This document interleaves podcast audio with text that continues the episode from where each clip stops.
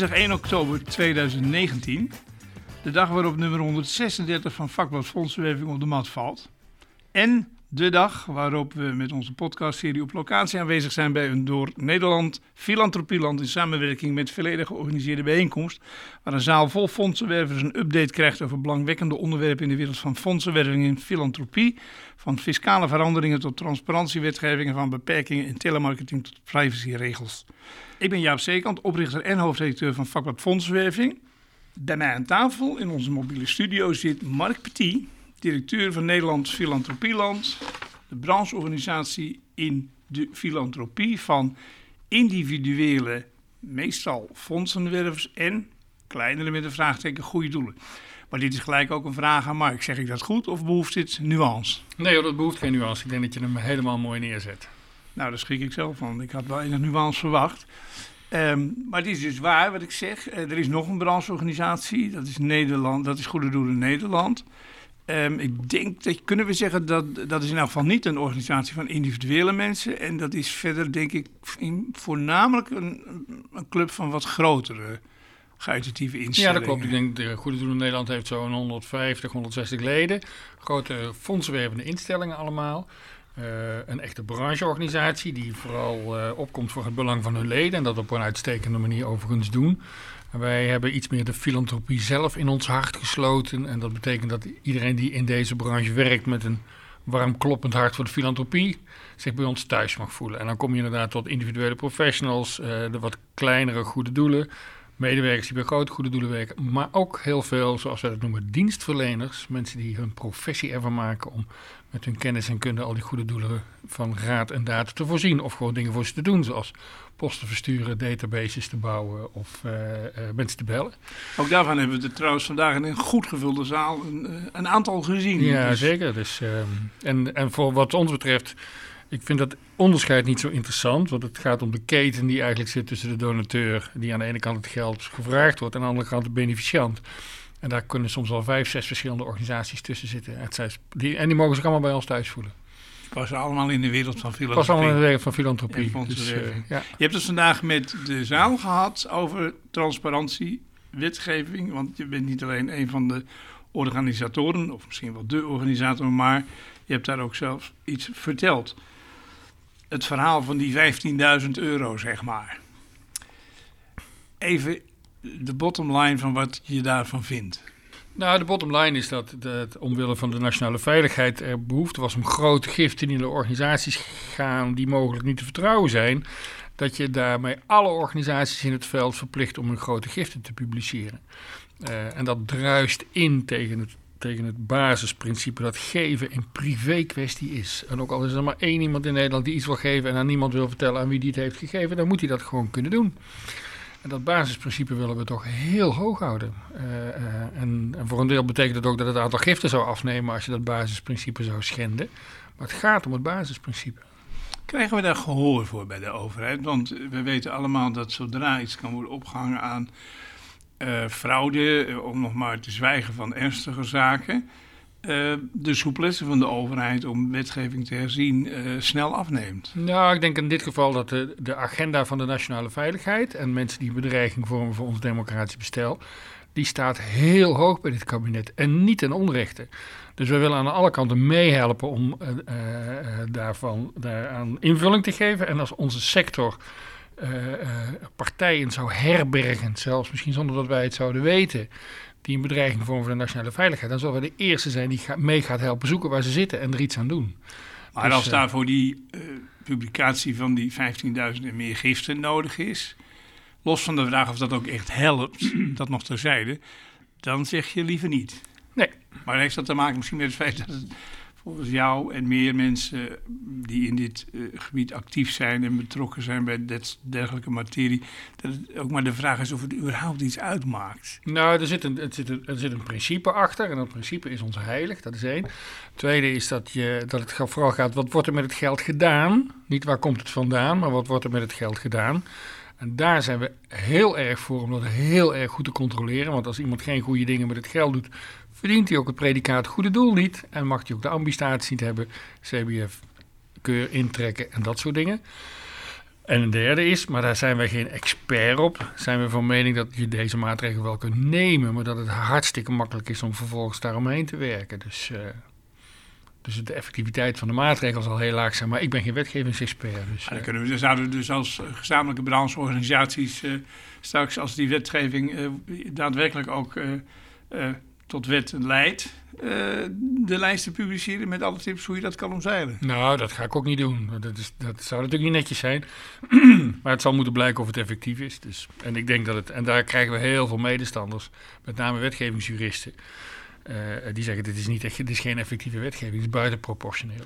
Maar nogmaals, we kennen um, de overheid in het algemeen als zeer bereidwillig om um, in het polderoverleg om de tafel te gaan zitten, maar tot een bepaalde grens. En die grens, die, daarvan heb je niet zelden de indruk dat die van tevoren al een beetje vast ligt. En eh, dat, we zien dat ook bij bijvoorbeeld de beperkingen in, in het bellen, waar Mona Keizer mee bezig is. Um, we, kunnen van alles willen, maar of het van tafel gaat is maar zeer de vraag. Dus ja, als dat hier ook zo is, dan, dan zitten we straks toch met die wet. Um, wat is jouw taxatie van hoe er in Den Haag tegen aangekeken wordt? En dan in de breedte, niet alleen ambtelijk Den Haag, maar ook politiek Den Haag. Denk nou, je dat het begrip is voor de positie van de filantropie? Jawel, jawel, jawel. Ik denk dat het totale dossier, zoals het ontstaan is tijdens de internetconsultatie, uh, dat, dat, dat heeft enorme indruk gemaakt. Dus het komt ook niet zo vaak voor, tenminste, eh, wij maken het ook niet dagelijks mee, dat na een internetconsultatie het zaakje gewoon teruggetrokken wordt. Dat is absoluut waar. Dus, uh, dus daar waren we door verrast. Ja. Dat is overigens met Mona Keizer nog niet gebeurd. Nee. Maar nee, wat daar is, heeft de internetconsultatie niks opgeleverd. Nou ja, maar dat was ook voorspelbaar. Misschien komt ze erop terug, je weet het niet. Ja. Soms neemt ze maatregelen ja. die afwijken van wat gangbaar is. Dat zagen we met de fusie kort geleden nog tussen Cent en PostNL. Dus het lef heeft ze wel, maar of ze wil, dat moet nog blijken. Nee, maar ik denk dat de telemarketing vooral een, een politiek en, en, en ideologisch issue is. Uh, en niet zozeer een wetgevingsissue. En ik vind dus, en de telemarketingdossier, daar gaat daar ons principiële ding gewoon dat zolang we, zolang we de hele politiek in, aan Den Haag blijven roepen dat bellen irritant is. En die twee begrippen aan elkaar verbindt, dan zijn we met een heel fout dossier bezig. Bellen is namelijk helemaal niet irritant. Nou, het komt onverwacht, het komt ongelegen. Ze vragen je misschien iets waarvan je dacht van, oeh god, ja. Uh, maar dat is met heel veel van de G-vragen die we stellen. Maar als we in onze participatiesamenleving uh, uh, zeggen dat het irritant is als we elkaar om hulp vragen, dan denk ik, ja, dan snap ik het niet. En zeker niet van het CDA. Nou, dus hij moet terug naar dat principe. Eigenlijk naar de basis. Van, van, wat betekent nou die irritatie? Wat bedoel je daarmee? Is het echt waar? Klopt het? Ja. Hoe, hoe groot is het deel van de irritatie, als dat al zich voordoet, op de totale irritatie die de gemiddelde burger die dag toch al heeft. En dat begint al als je uit bed stapt en je schoenen zijn zoek. Ja. En, en de hond moet eruit terwijl je eigenlijk al een afspraak hebt om negen uur. En zo'n dag zit vol met irritatie. En ik maak me sterk dat je aan het eind van die dag dat hele belletje vergeten bent. Dat bovendien, als het van de goede doelen komt, ook nog niet eens een vervelend telefoontje nee, hoeft te dus, zijn. Dus de, de, de, degenen die bellen, zeker in de goede doelensfeer, die verzamelen heel veel data waaruit blijkt dat al die gesprekken heel plezierig zijn. Het zijn heel veel service calls waar niet eens gevraagd wordt om geld. Uh, het klachtenpercentage is uitermate laag. Een enorme slag uh, geslagen in de professionalisering. Heel gewoon professioneel gemaakt. Dus uh, nou, zolang we blij, maar tegen elkaar blijven roepen dat het irritant is, dan blijven we elkaar spokenverhalen vertellen. Dus dat, dus dat is één. En het tweede is, nou ja, ik gebruik de reclamecampagne van Amnesty maar als voorbeeld. Er zijn dingen in het leven die nog veel irritanter zijn. En dan roep ik heel flauw, ja, we schaffen de belasting ook niet af van die blauwe enveloppen. Dat is pas irritant in de brievenbus, schrik me elke keer weer dood. En dan blijkt het gelukkig toch mee te vallen. Nou ja, op zich is die vergelijking niet, niet flauw, want ik heb dat in een van mijn editorials in Vakblad Fondsen ook geschreven. Als je kijkt naar waar de meeste irritatie vandaan komt, in welk land dan ook denk ik wel, maar zeker in Nederland, op een dagelijkse basis dan kom je uiteindelijk terecht bij de overheid. En op grond van dat principe zou je kunnen zeggen dat die ook de minst aangewezen instantie is om überhaupt iets aan irritatie te doen, tenzij die bij zichzelf begint. En misschien ligt daarvoor mevrouw Keizer veel meer een taak dan die paar telefoontjes waarvan we zelfs weten dat sommige mensen, en dat zijn er niet weinig, het eigenlijk ook best prettig vinden dat ze gebeld worden. Nou ja, kijk, de overheid heeft natuurlijk ook de edele taak om, om iets aan consumentenbescherming te doen. En onder deze portefeuille wordt natuurlijk dit dossier voor een deel gevoerd. Maar een donateur is geen consument. Dat is echt heel iets anders.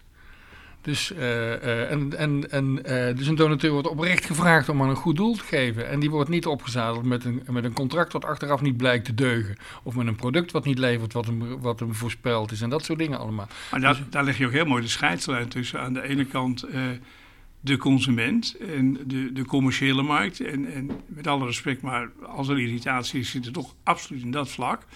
En het werk van de filantropische sector, de goede doelen. Het zijn dus eigenlijk gewoon geen consumenten. Dus het, het is gewoon een vergissing. Dus als we daar Mona Keizer ja, naar wijzen... Daar, daar, moeten we daar ook op wijzen. zijn we eruit. En een tweede is dat iedere donateur... die is zelf ook afnemer van een goed doel. Tel alle doelgroepen van de gezondheidsfondsen maar bij elkaar op. En er is altijd wel iemand die of die ziekte of die handicap... of die sociale achterstand heeft of dat soort dingen. Dus we bellen voor elkaar.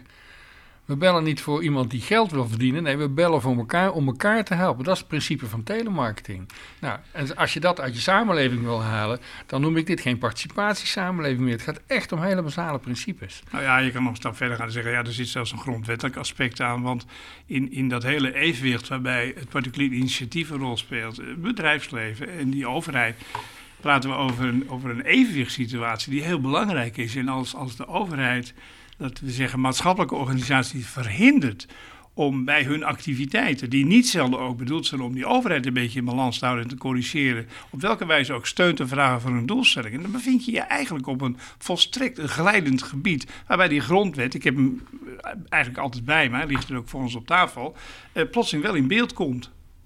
Ja, dat klopt. Dus, uh, en dat is natuurlijk in die zin vind ik dat wel mooi om de discussie langs twee kanten te voeren. Je kunt zeggen, nou, de filantropie moet oplossen wat de overheid laat liggen. Of je kunt zeggen, de overheid moet oplossen wat de filantropie laat liggen. Nou ja, laten we zo bij het vraagstuk maar van twee kanten benaderen. En dan vinden we elkaar wel ergens. Maar, maar, maar, maar ik, ik roep altijd terug naar de burger. De burger kan of besluiten om iets aan het goede doel te geven. Of besluiten het geld in de handen van de Belastingdienst te leggen. Dat is zijn keuze. En hij moet ervoor zorgen dat dat deel wat naar het goede doel gaat. En dat deel wat naar de belasting gaat. Dat niet van zijn geld er uiteindelijk twee partijen ergens aan de vergadertafel met elkaar strijd zitten te voeren over hoe ze moeten samenwerken. Dat zou natuurlijk heel raar zijn. Dat kun je aan die burger niet uitleggen. Dus je moet hand in hand. Nou is het niet toevallig, denk ik, dat Nederland Filantropieland als brancheorganisatie deze dagen. Ehm, dat je daar een, een sterk verhoogd activiteitenpatroon ziet. Waarbij ik ook wel in beeld zie komen het probleem met de consumentenagenda, zoals dat vreselijke dossier ook zo'n ellendig woord uh, genoemd wordt. Want het gaat gewoon over telemarketing en bellen voor goede doelen. Maar goed, consumentenorganisatie, dossier. En daar is plotseling ook vanuit de burelen van Nederland Filantropieland zijn er geluiden te horen. Dat, eh, gaat er iets gebeuren? Staan, staan we, staan nou, we op het punt dat, er, dat, er, dat, er, dat we iets minder gaan polderen en iets nadrukkelijker aandacht vragen voor een echt een probleem waar we als sector mee zitten? Nou, kijk, op het telemarketing dossier gaan we nu gewoon een issue-campagne opzetten. Uh, uh, dus het polderen is voorbij. Dus we hebben nog een half jaar voordat we in de, in de politieke arena onze strijd beklonken moeten hebben. dus ook gezegd, nou ja, we zijn het met de ambtenaren niet eens geworden. We zijn het met de, met de staatssecretaris in het vooroverleg niet eens geworden. De internetconsultatie heeft geen, geen dingen opgeroepen waardoor de wetgeving van tafel is. Nou, dan kun je maar één ding doen, is je politieke beïnvloeding uh, laten tellen. Nou, issue-campagne. Dus we gaan zeggen, jongens, wie doet er mee? We gooien er nog even een paar maanden een flinke campagne tegenaan. En dat mag resulteren in het feit dat er misschien straks eh, posters aan de muur hangen waarop Mona Keizer staat. En zeggen, irritant hè, als je gevraagd wordt om lid te worden van een politieke partij. Of zo'n foto van een belpanel waar al die politici allemaal in zo'n belpanel zitten. Morgenavond is Alzheimer Nederland aan de beurt. Ik zal ze wel weer zien op de buis. En dan zeggen we, hoezo niet bellen? Ze doen allemaal mee. Dus ik denk ik van, dus we moeten gewoon onder de bevolking en onder de politici zelf ook onder de aandacht brengen dat we bezig zijn vorm te geven aan een participatiesamenleving. En als ze dat niet willen, moeten ze het zeggen, maar dan moeten ze wel even hun politieke idealen erbij pakken. En daar moeten we ze even aan herinneren. En als er dan, als er, en als er dan toch andere politieke belangrijker zijn, dat kan, maar dan hebben we van onze stem laten horen. Dus uh, nou, dat wil ik nog wel even doen de komende maand. Dus dan nemen we het initiatief voor. Betekent dat uh, samen met de andere betrokkenen in de sector. Absoluut. Wat bredere actie met... Nou, wij willen wel even het rebelse jongetje zijn in dit geval, maar daar zijn we wel goed in. Dus laat ons maar even de lead nemen. Prima, proberen we dat gewoon een keer. Kijken we wat het werkt. In het, in het, in het transparantiedossier hebben we het heel netjes gedaan. Dat is het ook gelukt. Nou, je weet dat transparante, transparante jongetjes, ook hoor, maar je weet dat rebelse jongetjes van harte welkom zijn bij de kanalen van vakblad Fondsenwerving. Dus ik, ik, hoop en stel me voor dat we, dat we het hier nog wel vaker over gaan hebben, de komende tijd in woord en geschrift. Ehm, het zijn ieder geval spannende tijden en er is iets om voor te knokken. En dat is denk ik ook wel een mooie kant van wat wij doen. We hebben idealen en daar knokken we voor. Precies. Ook als de staatssecretaris in de weg staat. Gaan we gewoon doen. Dankjewel voor dit gesprek, Mark. Oké.